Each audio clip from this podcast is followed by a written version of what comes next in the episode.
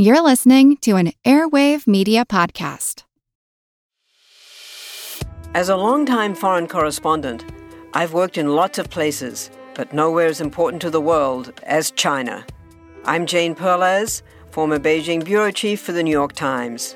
Join me on my new podcast, Face Off US versus China, where I'll take you behind the scenes in the tumultuous US China relationship. Find Face Off wherever you get your podcasts.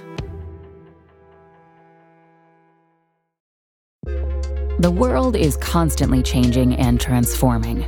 Cut through some of the noise with What's New with Wired, a podcast that goes in depth on the latest news and technology and culture. Their award winning journalism will help you make sense of what's happening in the world.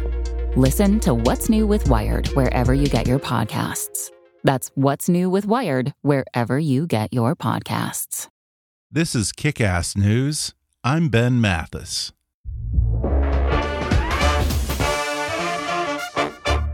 Hey folks, it's Ben Mathis here with just a quick favor to ask. We love having great advertisers support the show, but in order to continue doing that, we need your help. So please go to podsurvey.com/kick and take a quick anonymous survey that'll help us get to know you a little better. That way, we can show advertisers just how enthusiastic our audience is about kick ass news and keep the show free for listeners like you. Even if you've taken our podcast listener survey before, the current one is new and different, and it's really important that we have lots of listener feedback, so I'd really appreciate it if you take a minute to fill out this new one. Plus, as a thank you, once you've completed the survey, you can enter to win a $100 Amazon gift card. Again, that's podsurvey.com slash kick, P-O-D-S-U-R-V-E-Y dot com slash kick. Thanks for your help, and thanks for listening. Today's podcast is sponsored by Nadex. Do you want to try day trading the markets but worried about the risk? What if you could choose your maximum risk and reward up front? Well, you can with binary options on Nadex. Trade global stock indexes, commodities, forex, even economic numbers, all from one account and always with limited risk. See for yourself why over 100,000 members choose Nadex. Find out more at nadex.com. Trading on Nadex involves risk and may not be appropriate for all investors. And now, enjoy the podcast. Hi. I'm Ben Mathis. Welcome to Kick Ass News. More than 40 years after the war in Vietnam ended with 58,000 American lives lost, this tragic and transformative chapter in American history still haunts our national conscience and leaves many scars that remain on both sides. Even today, we're still arguing about what went wrong, who was to blame, and whether it was all worth it. Now, the master storytellers behind the award winning PBS documentaries on the Civil War and the Second World War present an immersive 360 degree narrative of what happened in Vietnam that might just offer a little more clarity and perhaps for some who experienced it, a bit of closure. The Vietnam War is a 10 part, 18 hour documentary that tells the epic story of the Vietnam War as it's never before been told on film, featuring testimony from nearly 80 witnesses, including many Americans who fought in the war and others who opposed it, as well as Vietnamese combatants and civilians from both the winning and the losing sides. It's produced and directed by Emmy and Peabody Award winning filmmakers Ken Burns and Lynn Novick. For nearly 30 years, they've collaborated on multi part documentary films about American history and culture that have been some of the highest rated programs in the history of public television, including their epic documentary series The Civil War, Jazz, The War about World War II, baseball, and prohibition. Today, they join me on the podcast to talk about why the discussion of the Vietnam War continues to evolve 40 years later, the ways their own perceptions have changed since they were young people growing up in the turbulent 60s, and how hindsight has given birth to some humbling and surprising epiphanies among those who fought on both sides. They discuss why it was so important for them to present all perspectives on the Vietnam War, not just the American viewpoint, and how the stories of many of the American and Vietnamese soldiers sound remarkably similar. They share some of the revelations that came out of the Nixon and LBJ tapes, how Nixon may have committed treason by backchanneling negotiations with the Vietnamese while Johnson was still president, Sound familiar? And how, in some ways, the lessons of Vietnam have changed America for the better. They also talk about the daunting task of sifting through the treasure trove of archival material on the war, how they convinced veterans of the Viet Cong and the North Vietnamese Army to talk about the war on camera, and what Vietnamese audiences have had to say about the film. Plus, the man behind the acclaimed miniseries that re examined the American Civil War weighs in on the Confederate statue controversy. Coming up with documentary filmmakers Lynn Novick and Ken Burns in just a moment.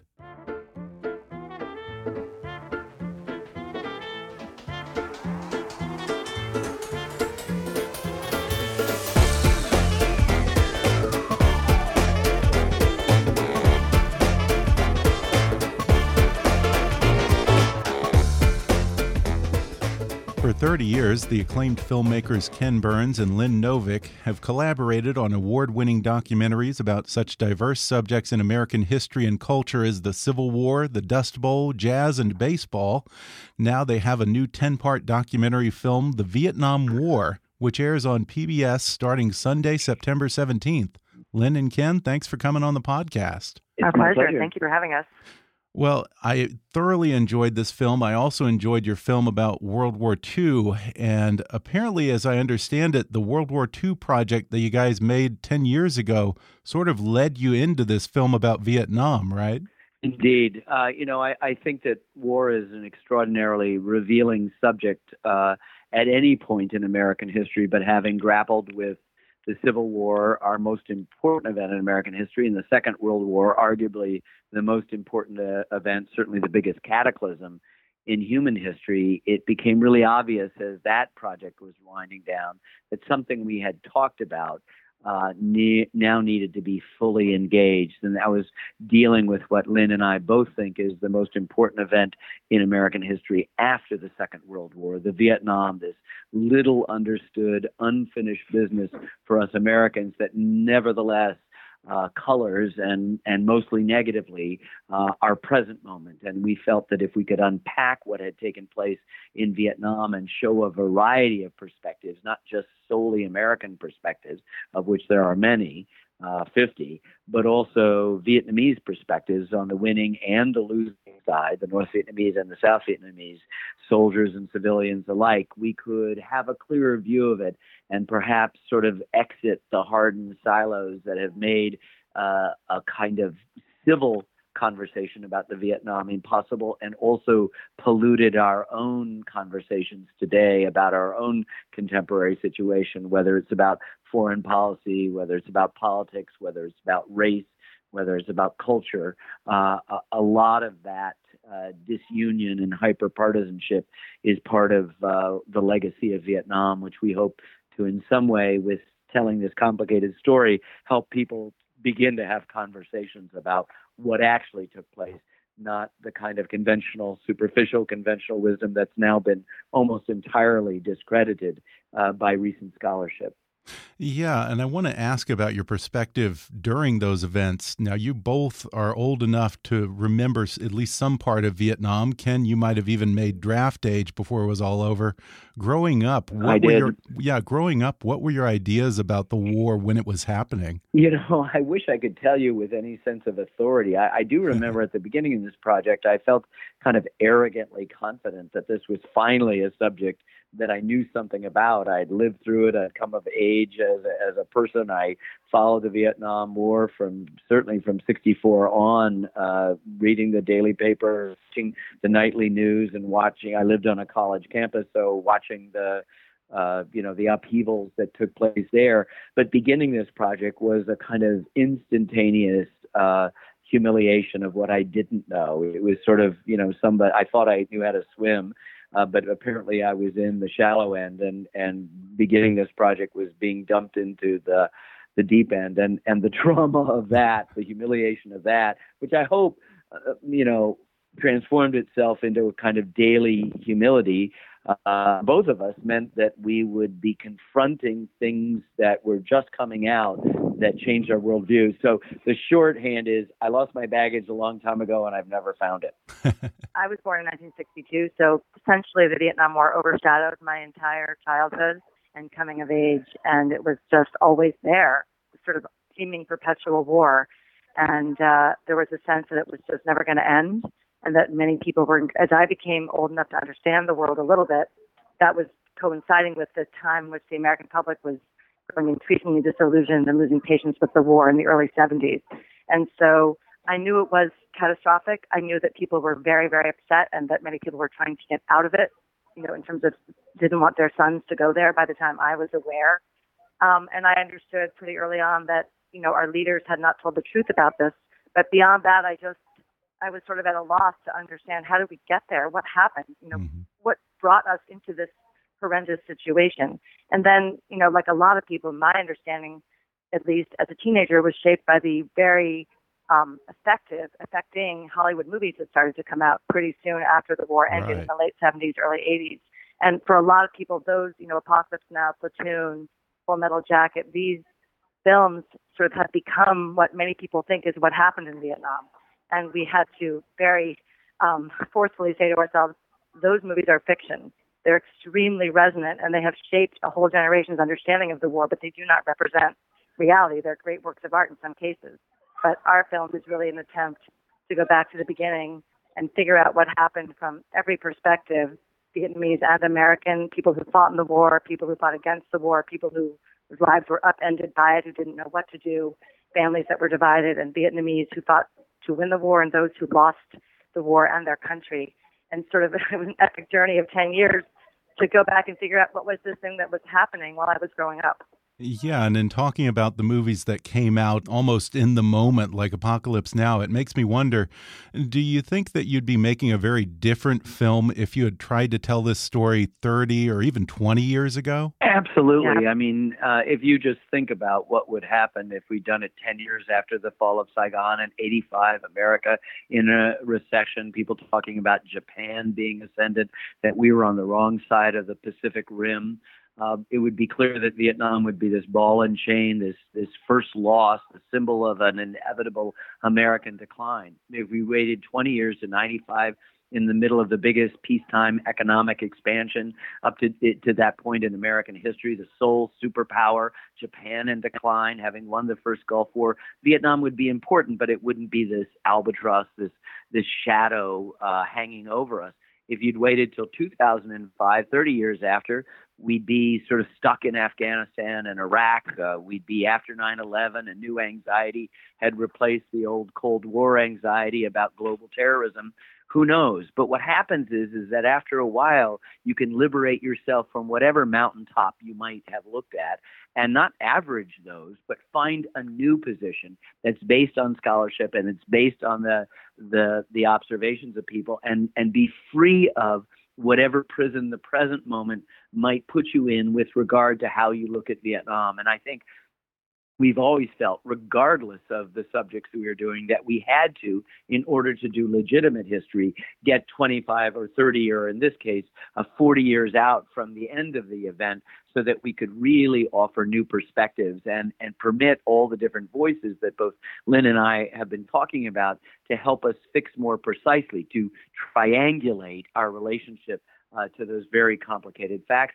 And I think most important to permit complication to be there. Sometimes there's no easy answer. Mm-hmm. That this film is raising questions, and we are always in our media culture, in our binary computer world, looking for a very simple, definitive, black and white, yes or no, good or bad answer. And you're not going to get it out of Vietnam, and that's to its credit.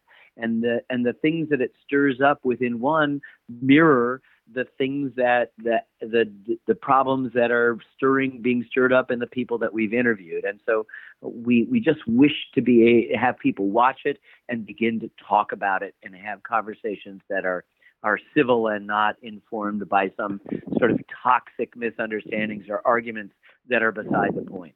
One of the things that would have been really impossible, except for really the last 10, 15 years, was to have the access that we had in Vietnam um, because you know we normalized relations with Vietnam in the 90s, and it really started to open up relations between our countries and veterans going back and Vietnamese veterans on the winning side being you know able to connect with Americans. Um, it's a different mindset there about what happened. They're curious about our experiences of the war because of this opening. and our relationships have sort of entered a different phase, and that really contributed to making it possible for us to spend quite a lot of time there and to have a kind of access that no other filmmakers have had, really to ordinary Vietnamese people who survived this war there, um, and hear their thoughts and their experiences, their memories, which are as complicated and painful and sometimes conflicted as many of the American witnesses, because the Vietnamese people really haven't had a chance to openly reckon with the losses that they suffered. You know, they, they lost a million soldiers on the winning side. They lost three million civilians out of a country of 30 million. And they're asking questions now because their society is in a different place. It's a closed society with an open internet. And so there is a sense of, you know, what happened and why and how do we make sense of it? How do we find meaning in it? And we were the beneficiaries of that sort of spirit bubbling up and getting the chance to speak to ordinary people there and bring their testimony back which really um, made our film different than anything that has ever been done in this way about the Vietnam War um, in any documentary that we know of. Yeah, this film really stands out in that it gives a much more complete picture of the war than I've ever seen, giving equal time or almost equal time to the Viet Cong as well as the ARVN soldiers, uh, civil servants, civilians in Vietnam. I found that refreshing because it seems like the discussion here in the U.S. usually centers on how it relates to our own history and how it affected American lives. One could argue that that's just always how it is with these things, but do you think that America has a particular degree of narcissism when it comes to the Vietnam War? Well, I think that in some ways we do. Um, but I also think that we have embedded in us, and certainly the divisions in the country reflect so many different kinds of things. It's hard to say that Americans are one thing or another. A, a, deep curiosity about what actually takes place. And some people have not been reticent. Some people have not just retreated to argument. Oh, well, you know, if we'd replaced this general with that general sooner, we would have won the war which is in many ways like saying, well, you know, if we took our pitcher out in the sixth inning instead of the seventh when he fell apart, we would have won the game. And you go, well, maybe, but it's not what happened. You didn't win the game. And so I think that rather than uh, retreat to these kind of defensive, behind these defensive ramparts, we have an opportunity with the, the triangulation, as I said, that comes through with these different voices to perhaps soften our own hard positions and begin to embrace a more complicated view of the past that helps us negotiate the very complicated uh, present that we find ourselves in. So polarized, mass demonstrations, asymmetrical warfare, stolen classified material, uh, you know, accusations that a political campaign reached out during a national election to affect that election to a foreign country. All of these things that we just, you know, are, are, are seemingly echoes and are echoes of Vietnam, but not repetition. It, it might just give us some perspective and some distance to understand our, our, our present moment.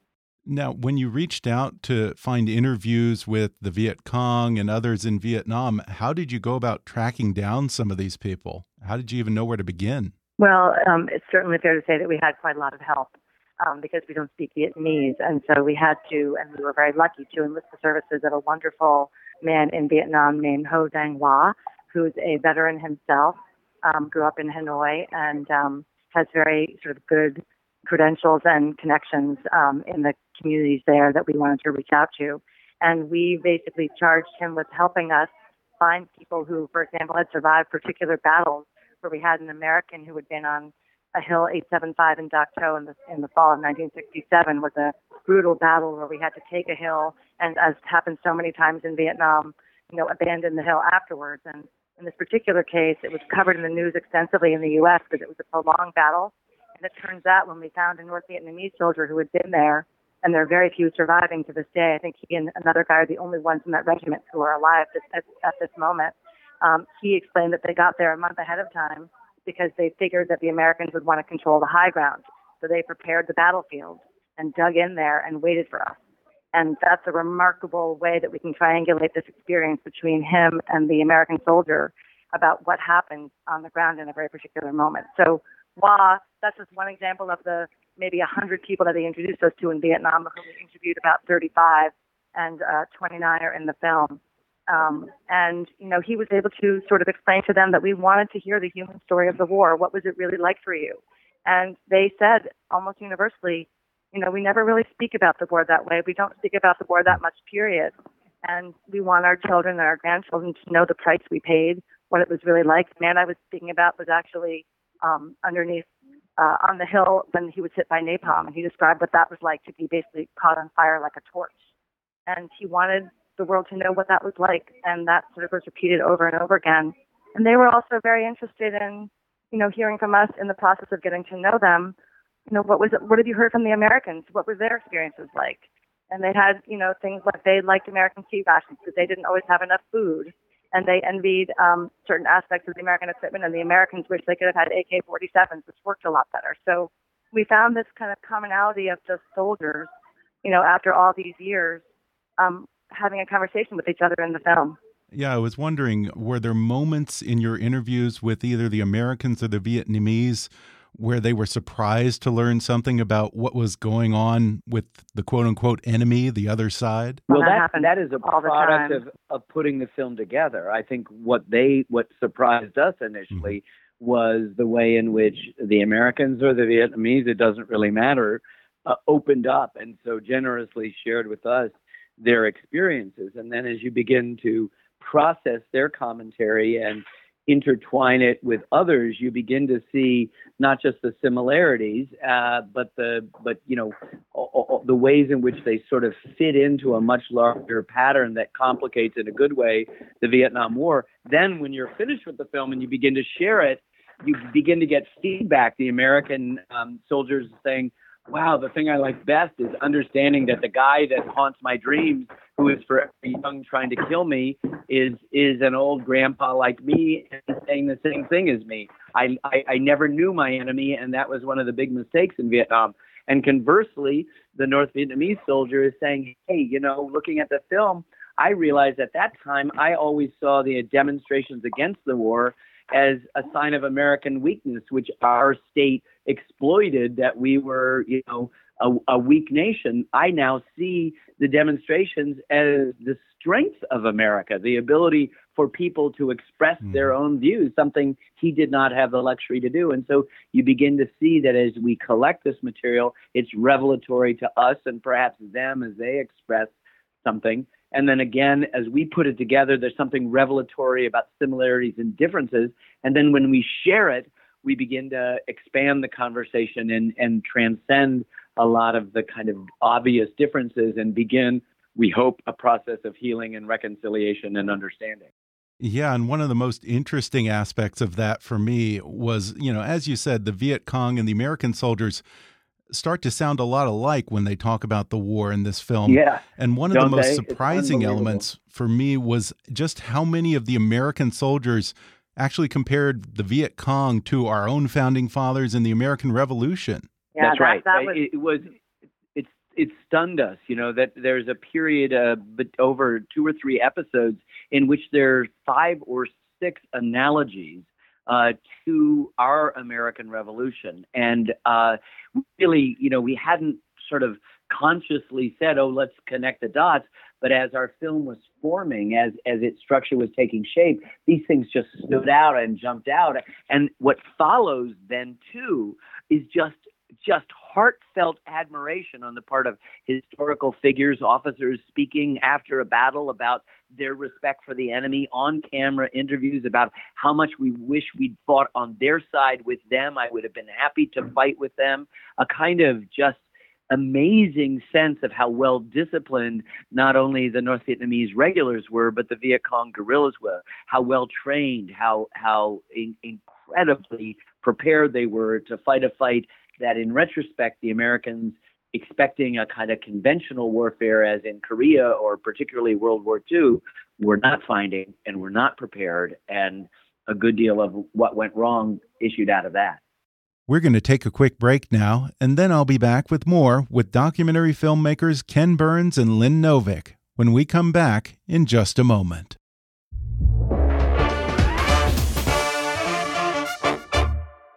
Warning if you're drowning in debt you can't afford, do not let the credit card companies trick you into thinking you have to pay it all back, because you don't. What the credit card companies don't want you to know is that there's actually a way to get debt free without paying off your entire debt or going bankrupt. If you have $5,000 or more in credit card debt, you now have the right to let Credit Associates settle that debt for a fraction of what you owe. For free information, call 1 800 500 0351. They'll even show you how much money you could save. If you can't afford to pay off all your debt, don't let the credit card companies trick you into thinking you have to. Call Credit Associates now for free information on how to get debt free faster than you thought possible without debt consolidation or bankruptcy. Credit Associates depends on your success and offers a guarantee, so there's no risk. For free information, call 1 800 500 0351. That's 1 800 500 0351. And now, back to the podcast. Were there other myths and misconceptions that unraveled for you during the course of making this film? Uh, we really, as Ken said earlier, we really had to just check our baggage at the door and start back at the beginning. But um, a number of things do sort of stick with us, and one of them is that in going back through the incredible uh, presidential audio recordings where you hear our presidents, especially Kennedy, Johnson, and Nixon, speaking privately about the war and what they're trying to do and whether they can accomplish their goals. And it's a it's an ongoing discussion. And of course, it's the most important thing. One of the most important things they're dealing with in their in their presidencies. You hear tremendous amount of doubt, uh, worry, concern that it's not going to go well, that there's no way out, that we can't seem to solve this sort of insolvable problem where we have a, a South Vietnamese government we're trying to help that is not popular and in fact is sometimes alienating the people that we're trying to protect. That the North Vietnamese, as Ken was saying, are incredibly determined that our air power doesn't seem to make a difference no matter how much we bomb. More supplies just keep coming down the Ho Chi Minh Trail. So all the ways in which we think we would be able to win the war, there's no way, there's no formula that they can see ever is sort of a path to victory. And yet they go out in public and speak about the war as if it's going well. And, you know, it helps us see them as not villains or um, sort of evil people, but frail um, human beings with flaws and frailties and egos, and you know they're imperfect, and they're trying to make decisions with the information they have, and sometimes they feel trapped.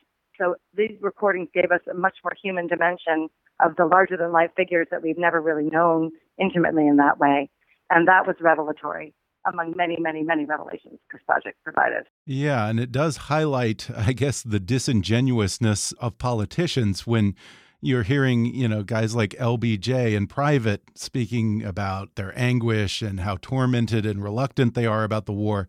And then, like you said, the very next day they go out and speak in such absolute terms about the certainty of victory. Yeah, I would, we were, I would, we were, I, you know, at, at, at risk of at, at risk of, um, you know, uh, uh, you know, sounding foolish, I, would like to suggest that politicians are super easy targets. Yeah, uh, I think course. this is a human condition that that we can have within us complex psychological dynamics that uh, express and understand and and and see doubt, but often our outer actions uh, are sometimes diametrically opposed to that, as well as our words.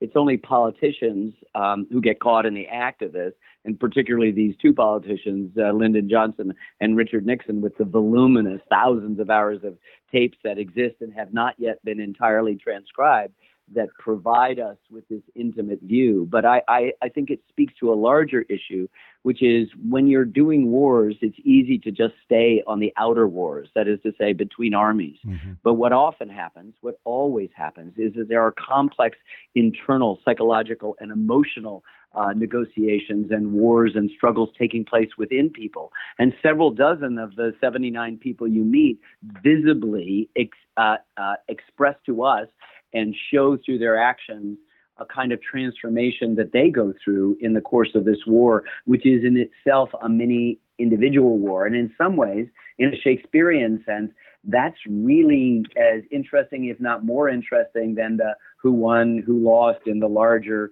military sense uh, of the word. And we're stunned and so incredibly grateful for the willingness of so many of our part, our, our, our, the people that we interviewed to share with us those inner struggles. Yeah, I think if anything, this film seems to speak to how hindsight shakes loose even the most stubbornly held beliefs.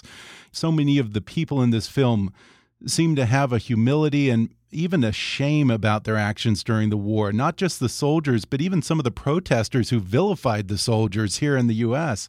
It, it strikes me as a particularly timely lesson about not blocking out other perspectives, not being so reactionary, and not clinging to dogma. Yeah, we well, we, we agree completely, and it, that was another revelation of fulfillment to see many people who protested the war being pretty tough on themselves in terms of some of their tactics, which at certain times became very mm-hmm. sort of radical and violent and alienated people at the time when they were actually in the process of winning the public over. And also, you know, it's it's there. One of the myths of the war is that every soldier was spat on and called a baby killer, and that's absolutely not true. And a lot of the anti-war movement was focused on getting the soldiers home so, uh, and, and revering them, and there were soldiers who took part in the anti-war movement. So, like everything else in the story, it is very complicated. But that being said, we have seen in our film, and we've seen in the events as we've been going around the country, the sense that there are there is some guilt and um, self-reflection about the excesses of targeting the soldiers and blaming them for the policies that really they had nothing to do with. It, the people who made the mistakes and who need to be held accountable are the leaders. You know, the failures that they made at the policy level of deciding which was important and sending our troops there and putting them in difficult, sometimes impossible situations. And that's a lesson that we feel pretty clearly our country has learned from the Vietnam War that we don't blame the soldiers anymore. Yeah, that was kind of the turning point where we were able to begin to separate policy from the boots on the ground. When you know, and I don't want to be too Pollyanna-ish in trying to find the silver lining in such tragic events, but taking this long view of history, are there other ways that the war has perhaps had a positive impact in terms of strategy and policy from the top, or perhaps in terms of how we've collectively grown from this experience? Uh, yeah, I mean, I'm. I think history uh, places you in a in a position, perhaps at least at times, accept and interpret things through uh, a fairly optimistic lens. And you could, as I was suggesting earlier, as our North Vietnamese uh, soldiers suggested, that the protests that so ren, you know, tore America apart also represented the ultimate expression of a democratic people that you could in the middle of a war, which had never ever happened before, rise up and it was the people's opposition to the war that in essence helped contribute to the end of it. That that's a wholly positive thing. I also think that you have many instances in which uh, the military uh, heeded uh, some things that were going on. I mean, some of the things uh, we need to debate whether an all volunteer army is exactly the way to go. That takes a lot of political pressure off the military and particularly the policymakers. It permits you to have wars that go on and on and on because we have a separate military class that suffers its losses apart and alone from the rest of us.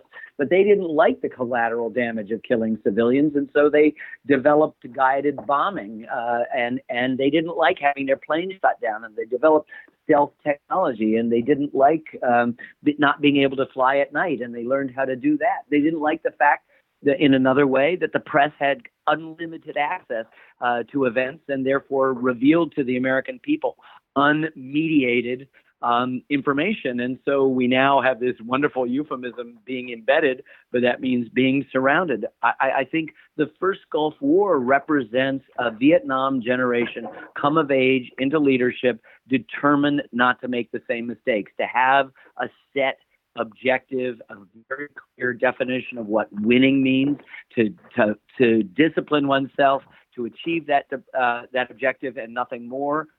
Do it with a lot of help to get the public behind you. All of those sorts of things the first Gulf War represents.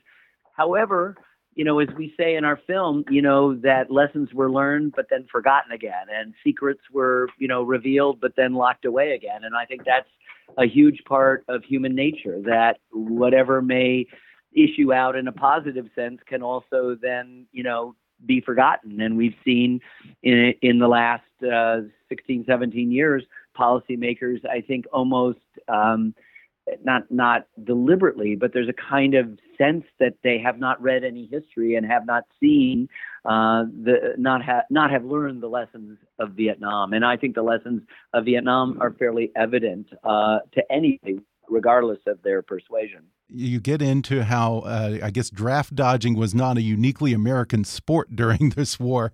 The film talks about how the sons of the communist officials were sent abroad or they would bribe a doctor to say that they were unfit to serve. As is so often the case, it seems that on both sides, the war was fought by the poor and undereducated. And that was true in South Vietnam as well. There were what they called Saigon cowboys. There were a lot of men of draft age running around Saigon in various kinds of business and working for the Americans and, you know, taking advantage of the opportunities that the war provided economically. And the South Vietnamese, our allies, uh, the people that were bearing the brunt of the fighting were the people from the countryside who both were uh, supplying the soldiers to the army and also bearing the brunt of the shelling and the firepower and the bombing. And so there's this paradoxical problem that people were trying to help are actually suffering the most in a way um, under the you know the the hope to help them is not helping them as much as we would have liked. One of the stories I've never heard was apparently Nixon tried to backchannel negotiations while LBJ was still president. There's a conversation where LBJ calls what Nixon's done treason. Yes. And at the very least, I suppose it would be a violation of the Logan Act. Yet LBJ and Humphrey, who was running against Nixon at the time, chose not to publicly call him out on this. Why Yeah. do you suppose that was? Well, I think there are lots of uh, divided and conflicted opinions. Uh, it's such an amazing moment that the Nixon campaign and Nixon himself reached out to the South Vietnamese as Humphreys standing in the poll was rising and, and Johnson had announced the good news that there had been some progress in the negotiation and this was a desperate stopgap attempt uh, you know, with echoes in the present, uh, to reach out to a foreign government, in this case the South Vietnamese, and say, look, boycott the peace talks. You'll get better terms from the hardliner Nixon than you will from the soft liberal Humphrey, uh, even though both Nixon and his national security, his future national security advisor, uh, uh, Henry Kissinger, knew absolutely they had to get out of Vietnam.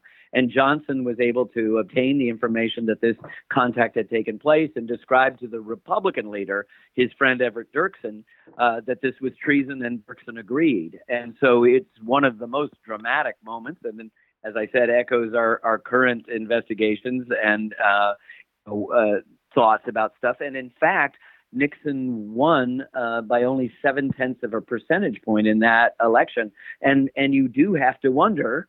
Uh, it is just argumentative and Monday morning quarterbacking again. What would have happened if either Johnson or Humphrey had released that news? And there's lots of varying uh, opinions about well that was one.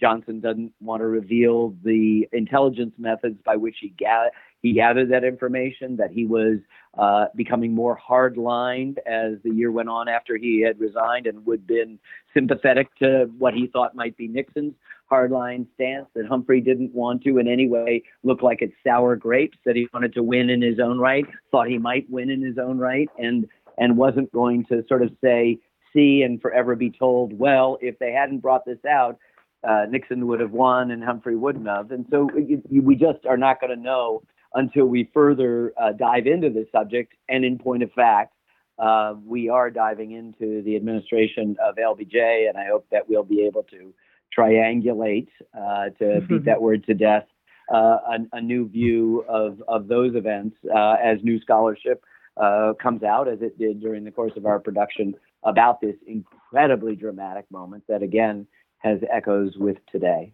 And another historic figure who plays an important role in this documentary is, of course, Robert McNamara. And as I watched the parts about McNamara, this guy who was known as this master of systems analysis, who went from president of Ford to secretary of defense, I got to be honest, it was hard not to think of a Rex Tillerson or even Trump himself. Um, did you want people to draw some sort of a cautionary tale against putting, you know, American lives and military decisions in Well- the hand of a businessman? We have to just clarify that we've been working on the film for 10 years, and we actually Right. finished editing it essentially before um, anything happened in the election that was definitive, before the, the caucuses even happened. So we were not at all thinking about current political realities, but more, as Ken was saying, kind of the age old existential questions of leadership and the responsibility to make the right decisions so that young men don't die for a cause that's not worth fighting for, which is what people eventually many people came to feel was the case with Vietnam. In the film, one of the veterans says, you know, 18 year olds are great soldiers. They will do anything you ask of them. They don't need to be explained why. They will just do what they are asked of, and they will do it bravely, and they will do it, you know, honorably. And the responsibility is on the adults to make the decisions so that their lives are not wasted. And you know, we were on the stage the other day with uh, Secretary of State John Kerry and Senator John McCain, and they both spoke about their memories of this time. And one of the things they take away from it is this horrendous failures of leadership. And that's, mm-hmm. you know, that's a cautionary tale or lesson or a message for any leader, not just our current uh, administration. And both John Kerry and John McCain served as advisors or, or participated in some way in, in the film, but you didn't well, interview them, right? Why was that? Well, no, I, I wouldn't call them advisors. Okay. Um, one of the earliest meetings we took after we assembled a lot of our ducks was to go to them. Both men and I've had a relationship uh, with for many, many years, and say to them, we need your help. We're going to do this. We're trying to appeal. And, and I think it's an important footnote here that this represents an extraordinarily bipartisan effort. You know, we, we have funders from across the political spectrum. We engage the help of uh, a corporation, Bank of America, willing to permit a deep dive into a controversial subject because they're interested in fostering, uh, you know, better dialogue for people to be better connected to to one another. And part of uh, of us was going out to them and saying, "We're going to need your help, but we're not going to film you. Your stories are going to be in this." But we're not going to film you because, like you and and Kissinger and Jane Fonda and Daniel Ellsberg, you're still in the public eye, and we don't want our audience to in any way think that you're polishing your own apple or offering a kind of revisionism, yeah. uh, as so often happens uh, many many decades after the fact. What is so nice, as Lynn is suggesting, is that we've now had the opportunity that the finished film is completely finished to be out in the world sharing it and often having the great good fortune of having these, you know, distinguished public servants uh, from two different parties and, and two perhaps ideological extremes offering the same kinds of thoughts and perspectives about the Vietnam. Exactly. Not just mm-hmm. the not not just the failure of leadership that Lynn described, which is so potent to hear both Senator McCain and Secretary Kerry talking about that the other night, but also the possibility of healing. I mean, McCain was so moving that he thought, he said, I, I think this film will begin the healing process. That he, I mean, we can understand all those years of captivities, the, the pain, the injuries, the torture, all of that sort of stuff still informs who he is every day and he is yearning for the kind of reconciliation that we hope our film can help provide. Not because we set out to do that, but because we set out to try to tell a complicated story. Then it was beyond heartening to be on the same stage with two men who know what they're talking about and who see exactly. the redemptive future possibilities of an American conversation, this time a civil conversation about this most divisive of wars. I know that you also showed it to some Vietnamese American groups. How did they react to the film? You know, it's just maybe it's just the power, as Ken was saying, of people just honestly and directly and authentically telling their stories from all sides. We've had the same reaction among Vietnamese Americans as we had in Vietnam, as we've had here in other parts of the United States. People have come up to us and said, you know, we don't speak about the war. The Vietnamese Americans who are here um, who are the sort of second generation or generation and a half whose parents brought them here, who were born here, know almost nothing about the war. Their parents cannot speak about it. It's too painful. And so they are eager to have the story told as part of our film to be interwoven into the narrative. And they look forward to watching it together. And we've had the whole film translated into Vietnamese so that um, everyone who speaks Vietnamese can watch it, both in the United States and in Vietnam. And we've had a number of um, correspondences. The other day, I was talking to someone, and she said that her um, daughter's boyfriend's parents are Vietnamese and don't speak any English, but and he doesn't know anything about the war, and they're going to watch it together, and he's going to find out what happened to his family. So you know, it's a big, big tent, and there's room for so many um, possibilities of reconciliation, both within families, within communities, and even across the whole world between America and Vietnam. From a production and a logistical standpoint, I'm interested in how you sifted through all of this because compared with your previous films on the Civil War or World War II, where you kind of count on the limits of available archival material and the lack of living witnesses to do some of the editing for you, with Vietnam, you have this embarrassment of riches of news footage, photographs, recordings, interviews to draw on. Was it particularly daunting to whittle all of that down to a manageable story? Not really. I, I think we feel that there's similarities between the experience of Civil War and, and World War II and this one. I mean, you just use the tools we have, and, mm-hmm. and that's our job is the distillation of however much material there is. And when there is not as much in one area, there may be other ways in which you can do that. But I think that as we've been talking about in this uh, conversation, it's the complication of the information that made this so challenging. It's the fact mm. that the conventional wisdom that most Americans approach the subject of Vietnam with that has been so challenged by scholarship and by the direct testimony of individuals that it becomes important to not just regurgitate and repeat and put into film the same old, same old, that it was mm. possible for us to say to ourselves daily, it's complicated, and look forward to figuring out how to make this more complicated. Not, not to confuse viewers, it won't, but because life, as every person knows, is very complicated, and our attempts to just fit it into the, the pigeonhole of black or white, right or wrong, you know, rich or poor, red state, blue state, fails miserably because sometimes a thing and the opposite of a thing, as Wynton Marsalis told us in jazz, are true at the same time. And we had to figure out for this project, I think unique among other projects, though we have suspected it in many other films, we had to do it more often and more consistently in this film, is be able to tolerate the fact that as our our own slogan about the film says, there's more than one truth in war. Mm -hmm. Now, before we go, I have to ask as someone who made the definitive documentary on the Civil War that explored both sides of that war in a very human way, what do you guys make of the controversy over the removal of Confederate statues going on?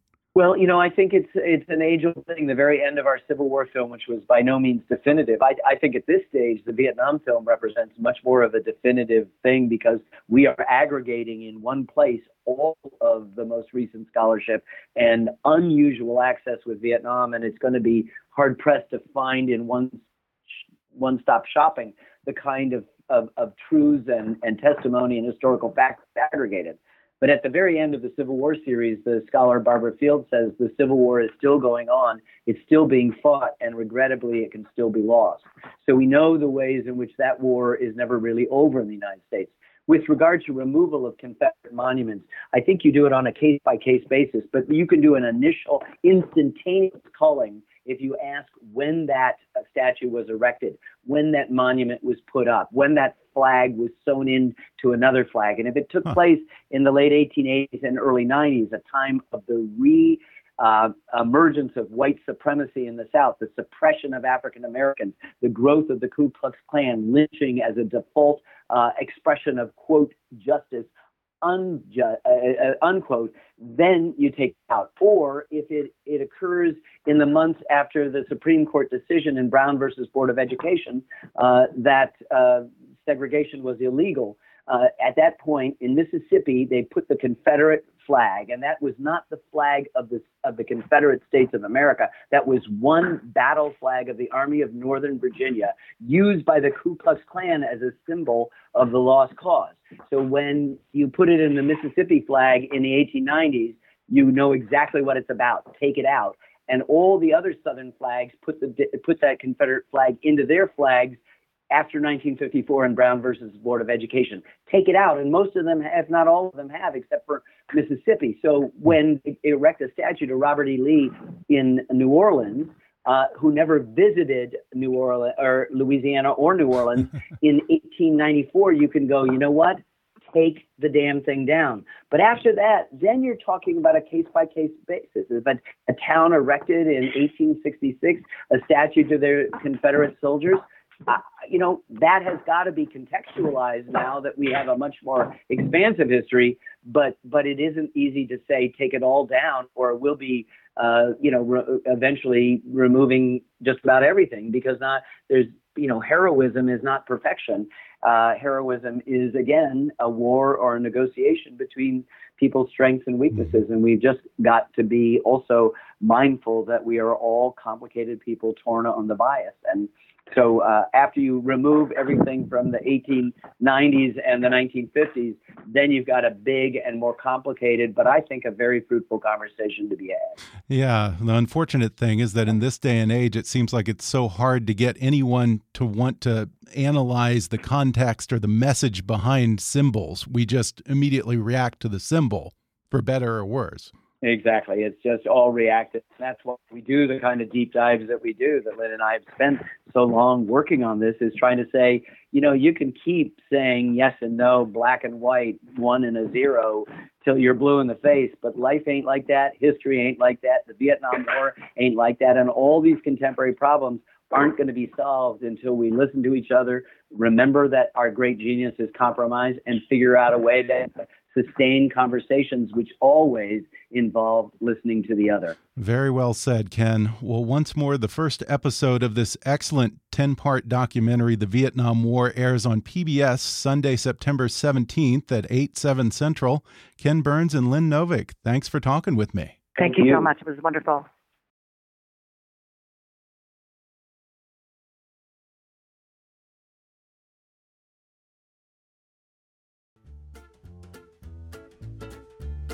Today's episode was sponsored by Nadex. Want to try day trading markets but worried about the risk? What if you could choose your maximum risk and reward up front?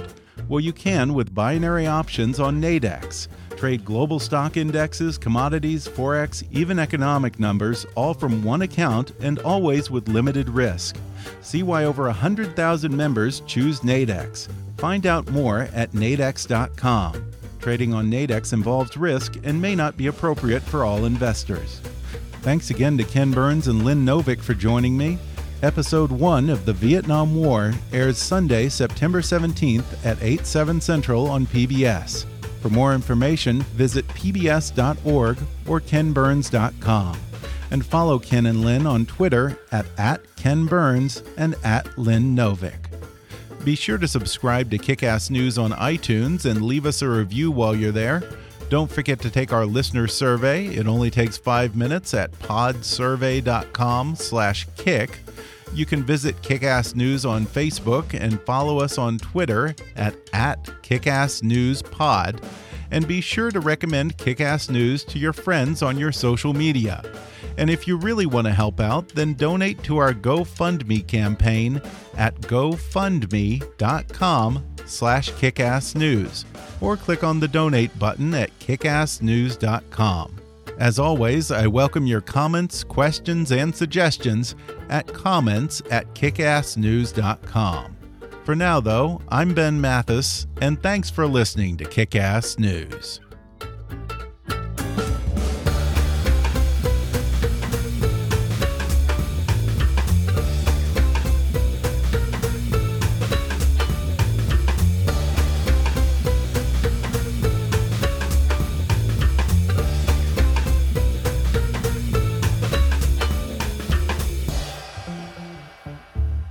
Kick Ass News is a trademark of Mathis Entertainment, Inc.